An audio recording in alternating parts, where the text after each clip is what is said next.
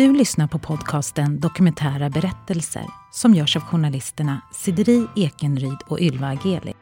Är du nyfiken på hela den nya säsongen av Dokumentära berättelser?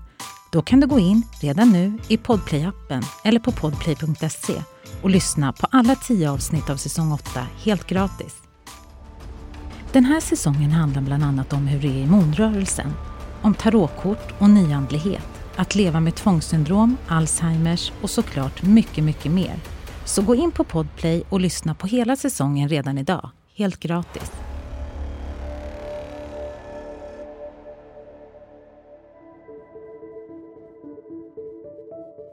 Du lyssnar på den andra delen av Samuels berättelse om hur intag av smärtstillande Cytodon leder till droginköp på Darknet och slutar i flera överdoser på andra sidan jordklotet. Tio år har jag varit slav under opiaterna och framförallt heroinet. Men det... Jag trodde att det skulle vara mitt liv. Att jag skulle gå med det i graven och aldrig kunna ta mig ur det. And then one day he said, I'm so strong inside of me, so I am ready. Ett par månader efter vår första intervju med Samuel får vi ett mejl där han berättar att han har blivit antagen till en ny behandlingsform.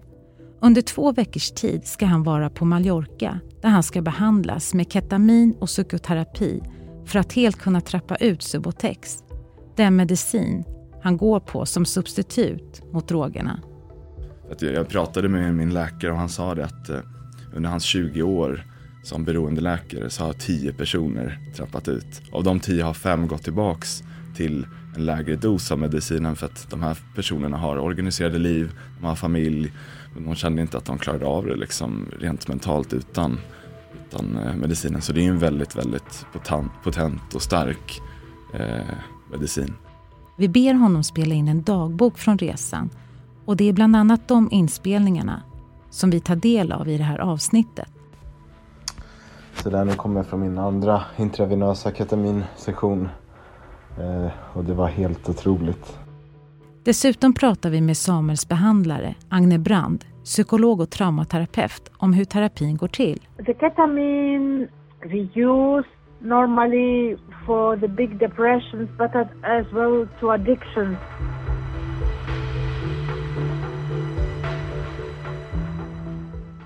Så där, nu har jag äntligen packat färdigt och är på väg till flygplatsen snart.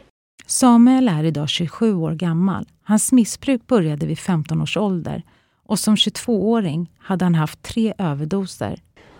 Eh, behandlingen börjar inte förrän om tre dagar så jag kommer ju vara på Mallorca några dagar innan och kunna ta det lite lugnt och förbereda mig mentalt. Men egentligen känner jag att jag har varit mentalt redo för det här ganska länge nu.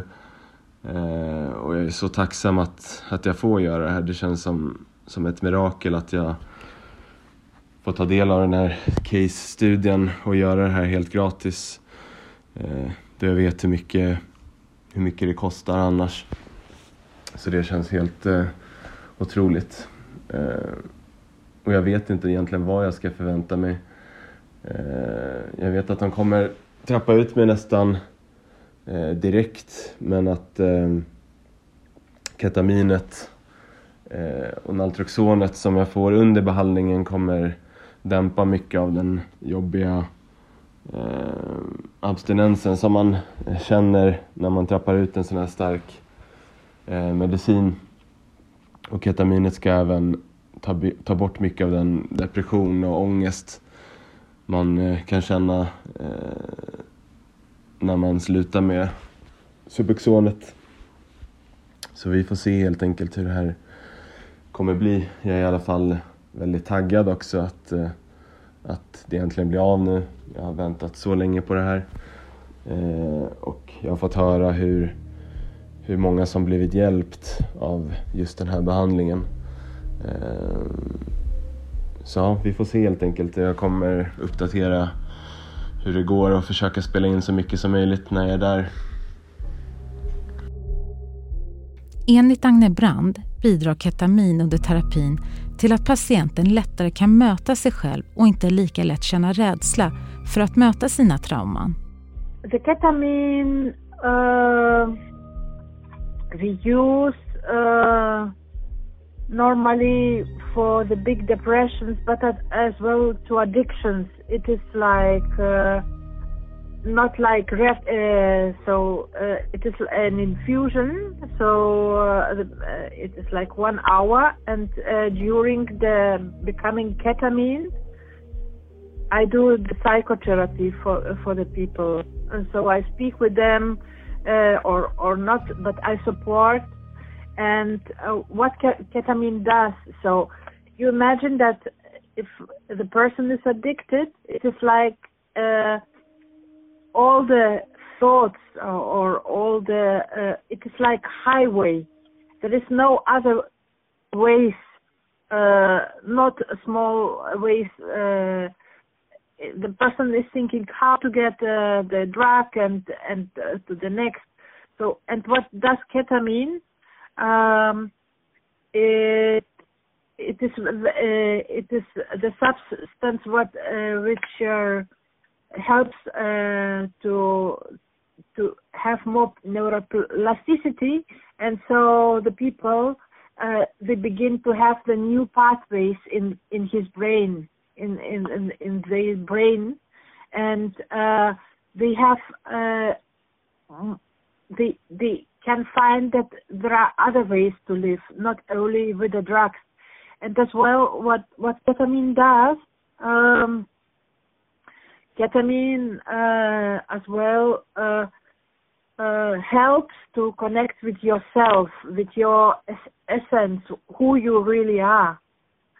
So, and and in in this connection, to be with with with me alone and to see who I am, and it helps to find um, uh, a lot of resources of the inner power to deal with the with the addiction or or or as as well with uh, with uh, suicide or with depression. So uh, i'm i cannot say only I, and as well uh, when with the connection with the self you, you can connect with the things uh, with very uh, um, painful things without feel so much pain.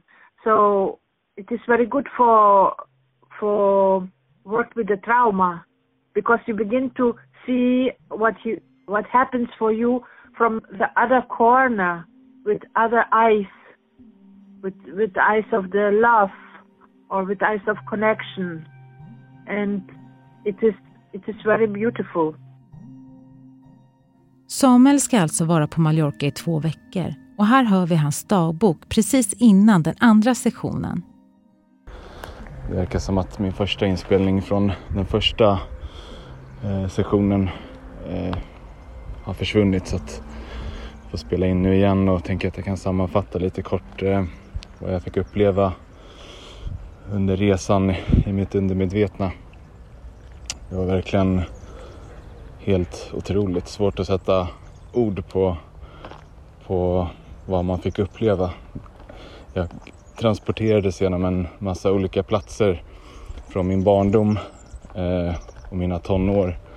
Och eh, allt kändes så verkligt. Alla dofter, ljud, rummen jag var i eh, gick att ta på.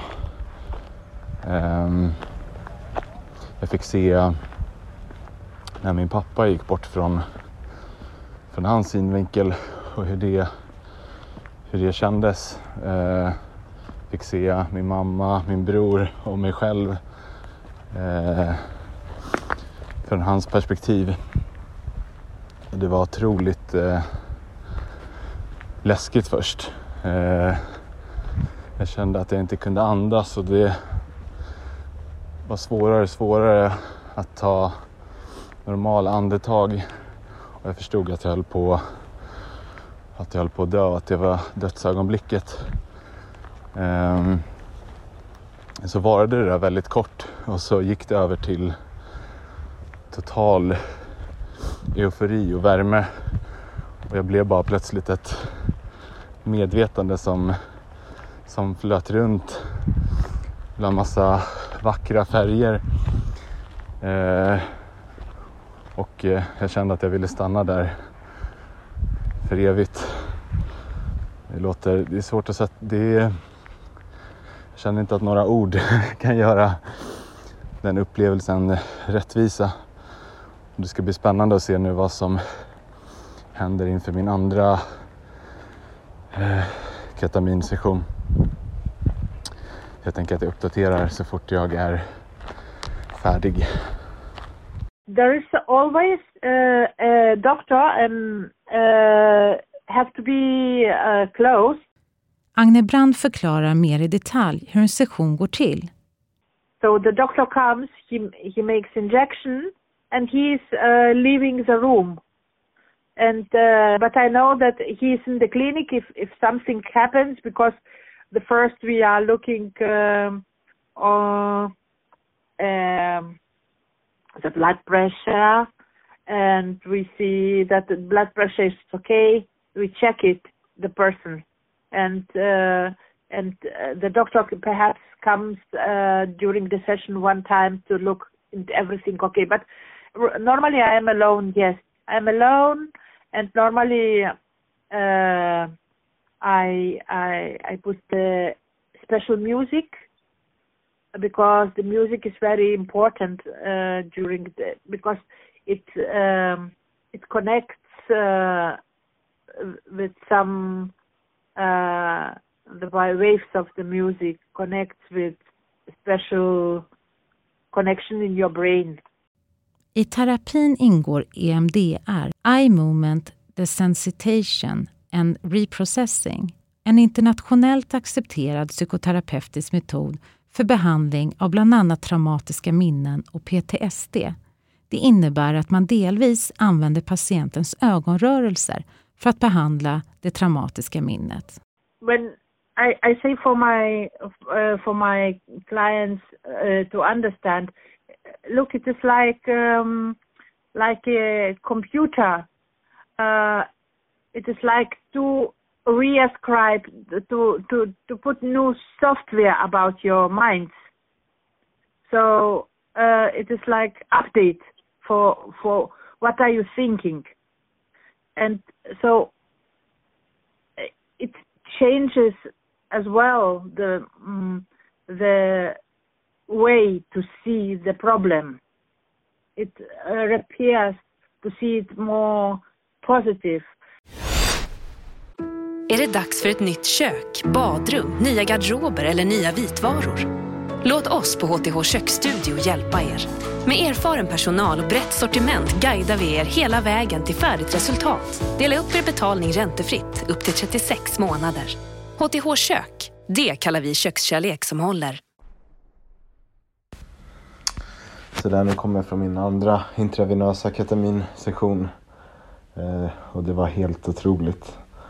Jag eh, fick möjlighet att knyta an med jaget innan allt det här började för över tio år sedan med eh, smärtstillande opiater eh, när pappa blev sjuk och jag fick mycket migrän och kronisk huvudvärk hela tiden och kunde inte riktigt hantera den smärtan.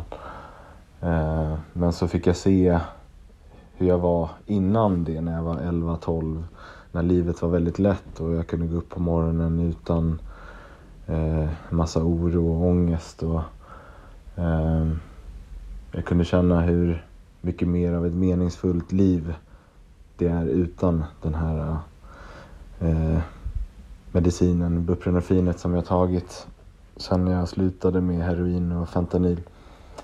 Eh, och det livet kändes så otroligt mycket mer meningsfullt. Eh, och eh, när jag kom, kom ur sessionen så bara började jag gråta helt okontrollerat. Men det var inte tårar av sorg utan det var, utan det var en obeskrivlig lycka som jag kände. Eh, så nu när jag kom hem så spolade jag faktiskt ner eh, min eh, Subuxon Eh, vilket jag vet att man egentligen ska göra med mediciner men det var bara en viktig symbolisk grej för mig att göra. Eh, ja, helt otroligt. Jag har vetat om det teoretiskt att det är klart att, att jag kan leva ett mer meningsfullt liv utan en sån här stark medicin som gör mig hård i magen och som gör att jag känner mig abstinent på morgonen och att jag vaknar på morgonen nästan som en panikattack innan jag tar den här medicinen och det påverkar mitt humör och gör mig mycket mer eh, ostabil.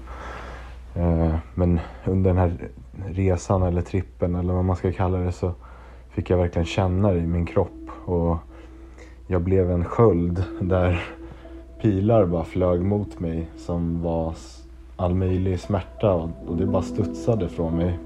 Vilket eh, var helt otroligt för jag kände mig helt ogenomträngbar. Eh, så när jag kom ut det så hade jag bestämt mig för att jag skulle sluta.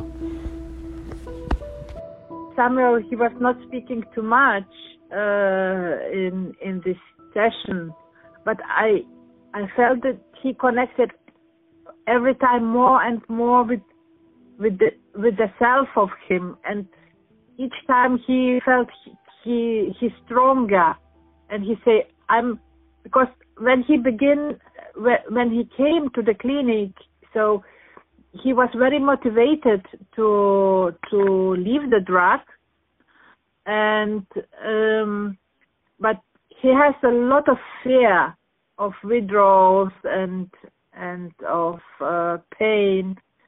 And so I said to him, so okay, take your time.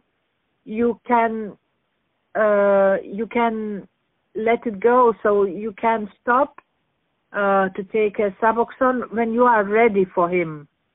For for before you do not do not uh, do not stop if you are not ready. You can be uh, you can stop uh, to take a Suboxone only when you are ready. So, and we have did some sessions of the ketamine, and then one day he said, "I'm so strong inside of me, so I am ready," and and he stopped, and it was wonderful.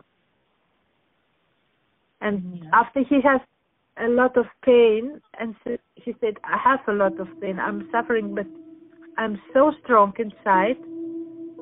So that i i i it does not matter Så en dag tar han alltså steget till att sluta med medicinen helt.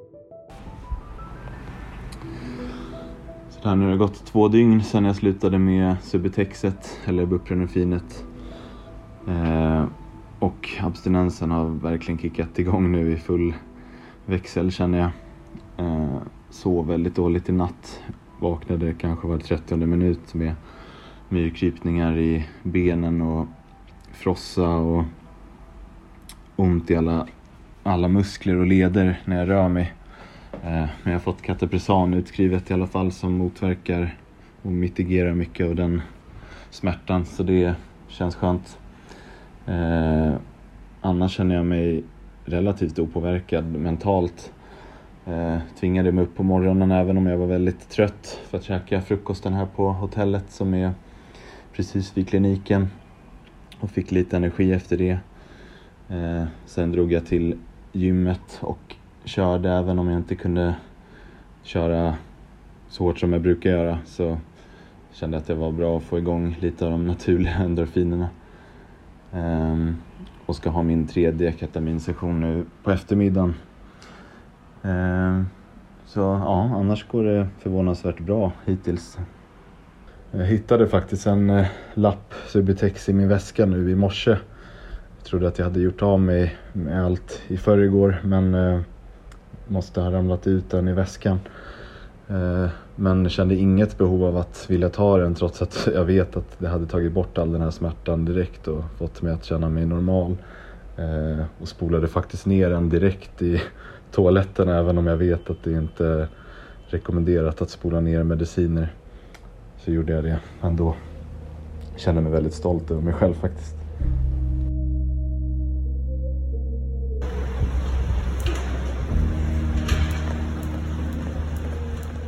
Bland filerna med Samuels dagböcker får vi också en kortfilm. Det är klarblå himmel och framför hotellet ligger poolens vatten spegelblank. Samuel står med ryggen mot kameran, iklädd svarta shorts och svarta gympaskor. Och så ser vi hur han börjar hoppa hopprep. Långsamt och sen snabbare.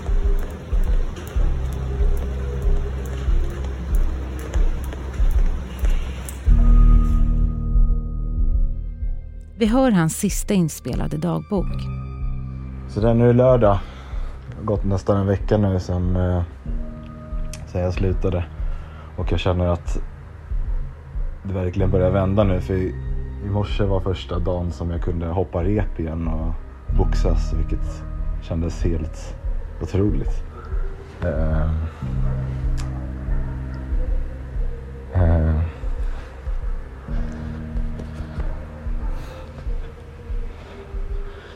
känner mig bara så tacksam att jag fått göra den här behandlingen. Äh, jag vet inte hur jag hade klarat det annars. Alla, alla som jag fått jobba med har varit helt, helt otroliga.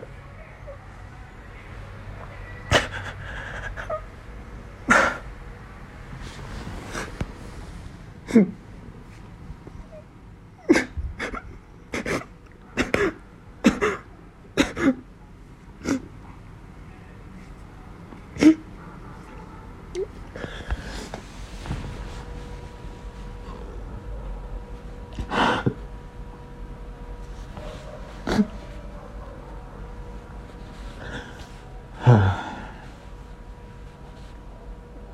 har varit lite svårt att bli van med det här kamerateamet och massa kameror som är runt en när vi gör de här sessionerna. Men det var en del av dealen för att jag skulle få göra det här gratis så att det stör inte mig. Jag är bara så tacksam att jag kan känna mig normal för första gången i mitt liv. Jag känner mig inte slav under den här substitutionsmedicinen som jag tagit för mitt heroinmissbruk. Och det har länge känts omöjligt att ens klara av det.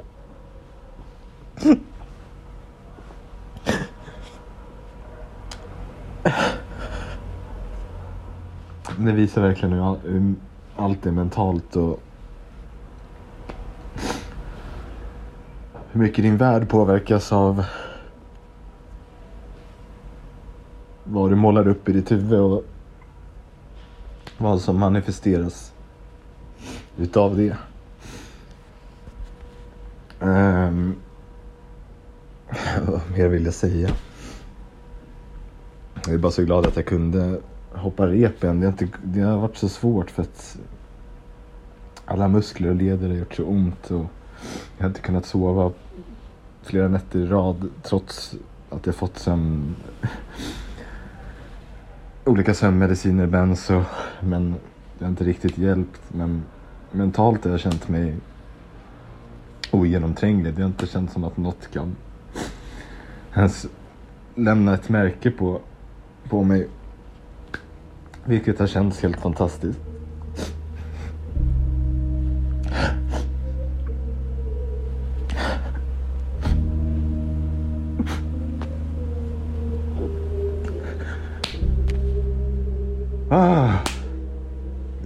Taggad. Det här är lyckotårar, det är inte... Det är inte... Det är kanske tårar för det jag lämnar bakom mig men, men det är glädje. Det är tårar av glädje.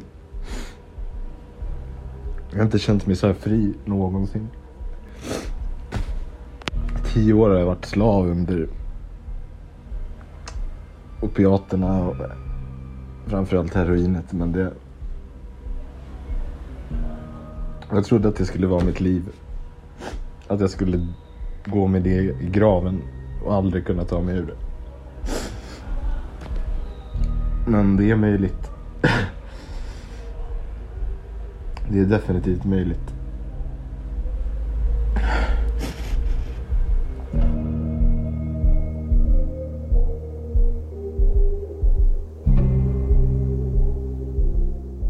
Det är i början av mars 2022. Vi får ett mejl från Samuel som berättar att han har varit hemma från Mallorca sedan en vecka tillbaka och totalt har han nu varit fri från Subotex i en månad. Han skriver.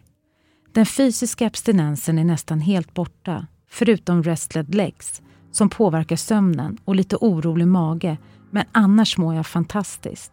Kommer köra jujutsu och boxning nu fortsatt under sjukskrivningen i kombination med mycket meditation och yoga. Förutom att spendera mycket tid med familj och vänner. Det är nu processen av att hela börjar. Vi kommer överens om att höras på telefon om ett halvår, så nu under hösten 2022 ringer vi honom för att se hur han mår.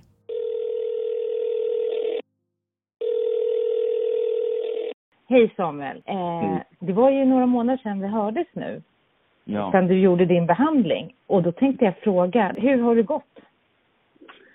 Ja, det har varit eh,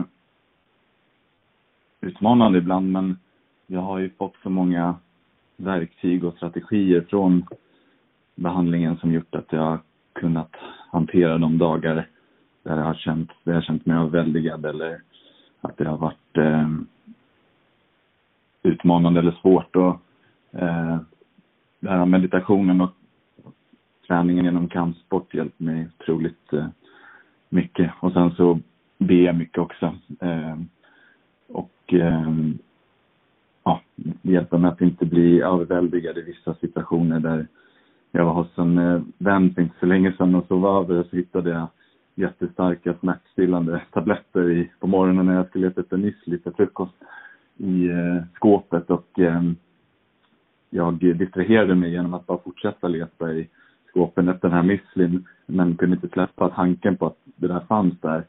Eh, och det var lite som att jag hittat en guldgruva eller diamanter eller något först men, men eh, eller någon flickvän som man eh, vet inte är bra sen men som man vill tillbaks till. Eh, men så bestämde jag mig bara för att göra eh, olika andningstekniker och gjorde det säkert i nästan tre timmar och sen när min, mina vänner vaknade upp på morgonen så berättade jag vad som hade hänt och jag bestämde mig för att ringa min eh, terapeut och boka in en till session så att jag kände att det var nära kanten men eh, ja, jag kände mig ändå stolt över mig själv att jag lyckades eh, hantera den situationen. För Samuel för ett par år sedan hade ju bara tryckt i sig alla de där tabletterna direkt utan någon slags eftertanke och nu var det att jag fick konsekvenstänk, att jag kunde se mina vänner, att de hittade mig på morgonen, att jag överdoserat liksom. Och nu har jag ingen tolerans heller så att eh, fördelen med att när jag gick på Subutex var att den blockerar ju effekten av andra opiater men det skyddet har jag inte längre så att därför måste jag ha andra strategier och verktyg för att eh, få det att funka. Och bara vara otroligt disciplinerad. Ja. Mm. Och hur har du en disciplinerad vardag då?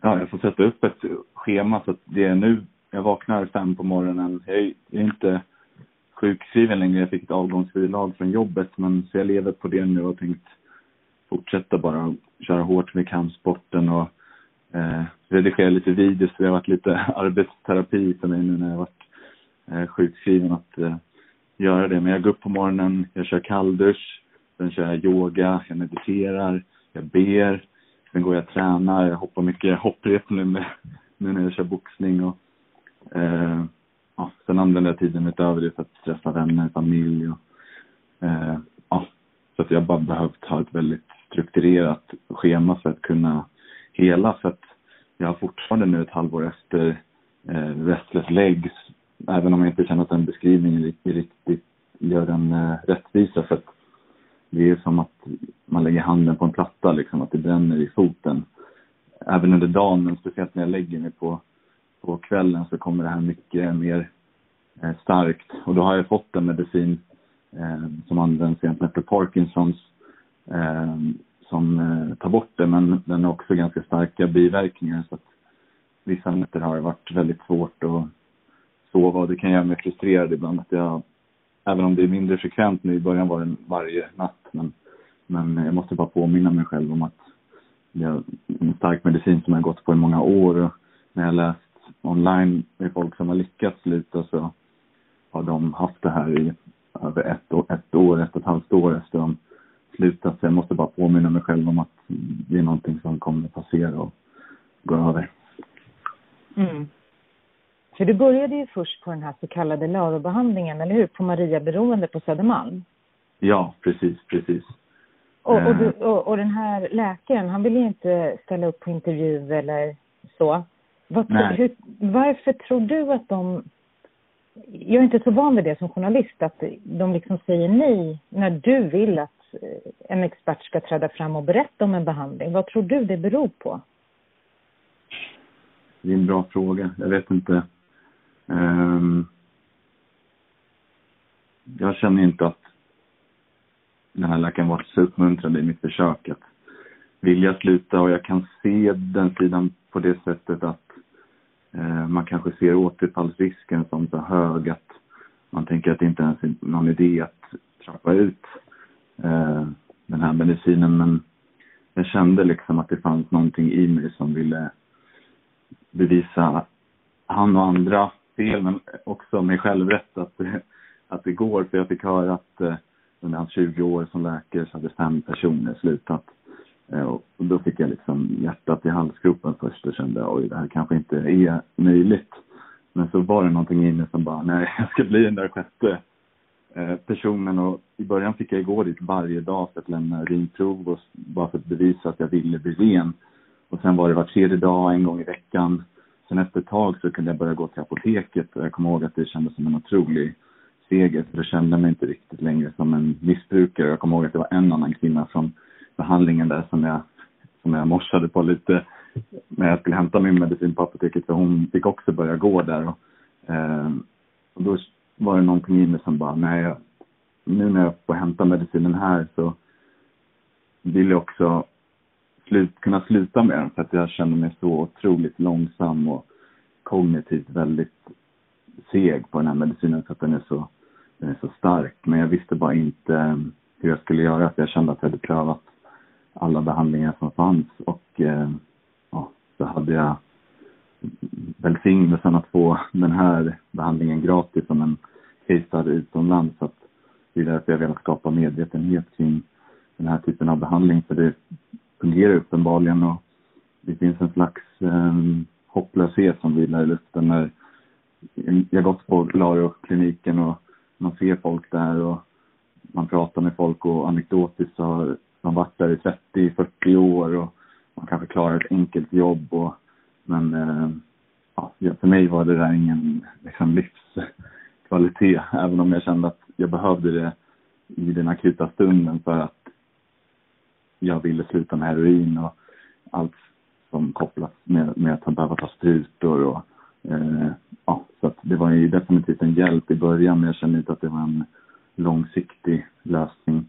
Eh, utan det måste komma inifrån först.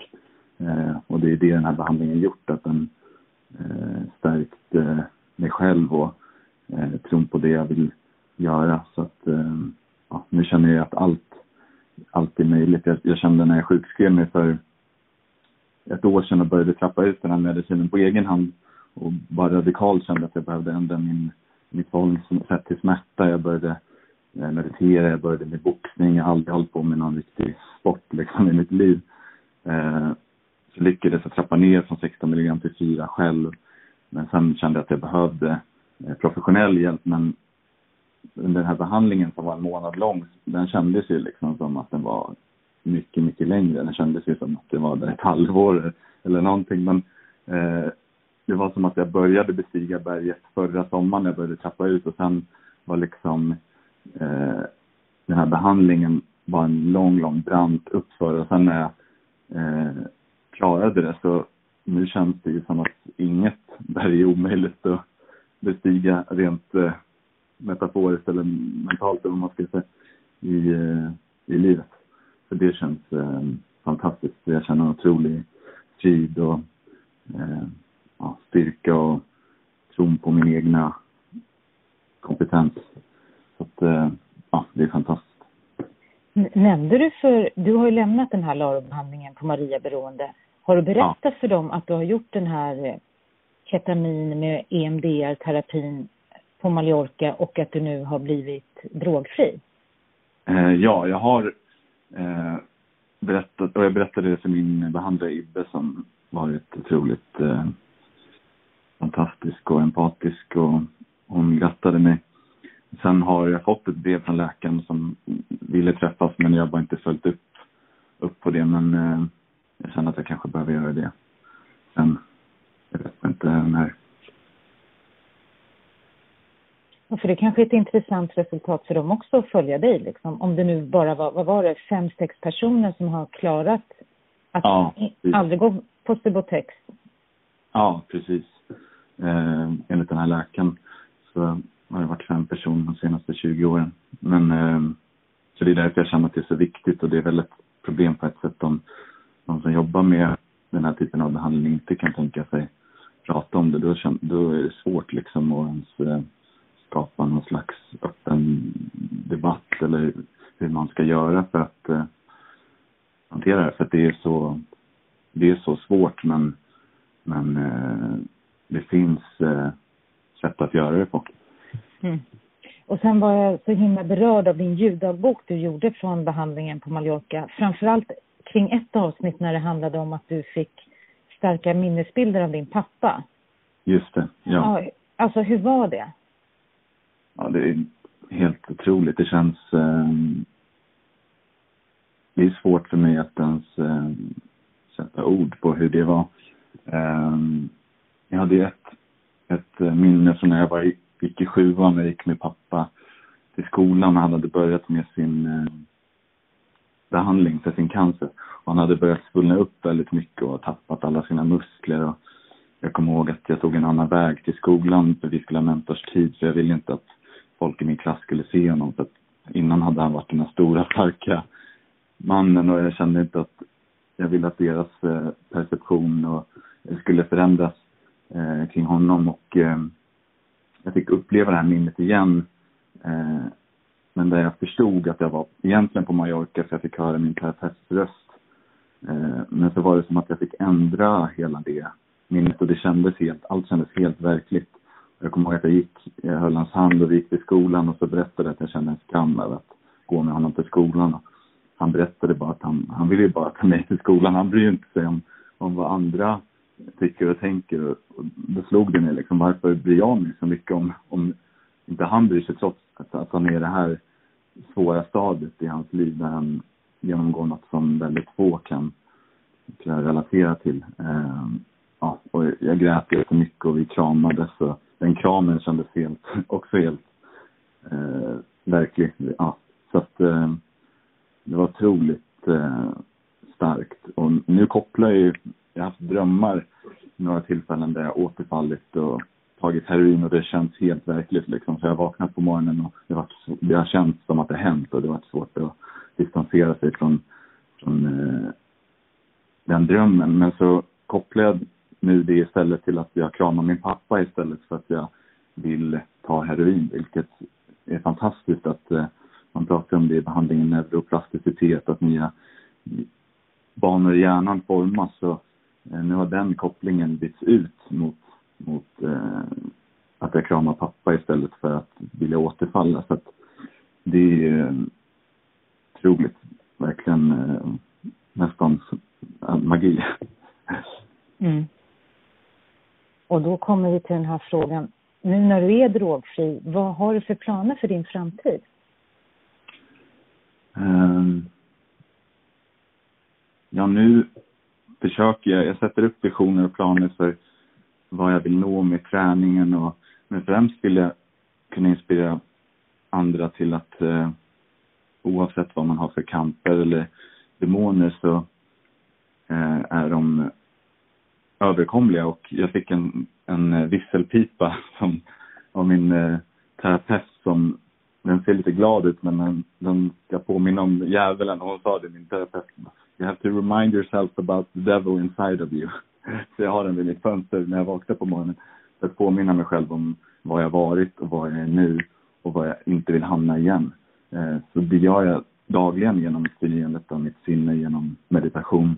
Eh, jag måste göra det och jag måste vara disciplinerad, disciplinerad för annars så, så går det inte. Eh, ja, jag vill främst bevisa för andra men också för mig själv att det är möjligt. Mm. Nu har den här intervjun kommit till sin ände. Men jag vill verkligen tacka dig Samuel och du får hålla oss uppdaterad kring hur det går för dig. Ja, det ska jag göra. Tack så jättemycket för att jag fick eh, vara med. Det känns eh, som en otroligt... Eh, det kändes lite läskigt men det känns så viktigt att, att få göra det så jag är tacksam att eh, gett mig den här chansen. Tusen Verkligen. tack Samuel. Tack.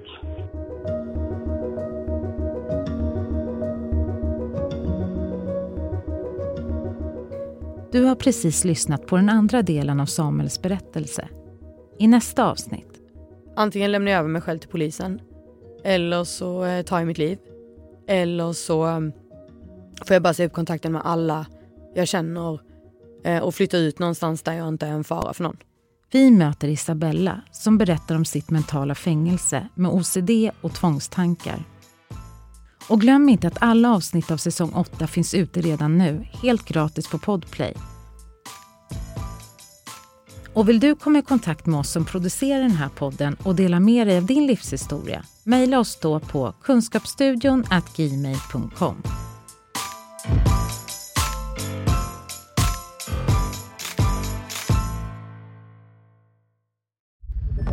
Podplay, en del av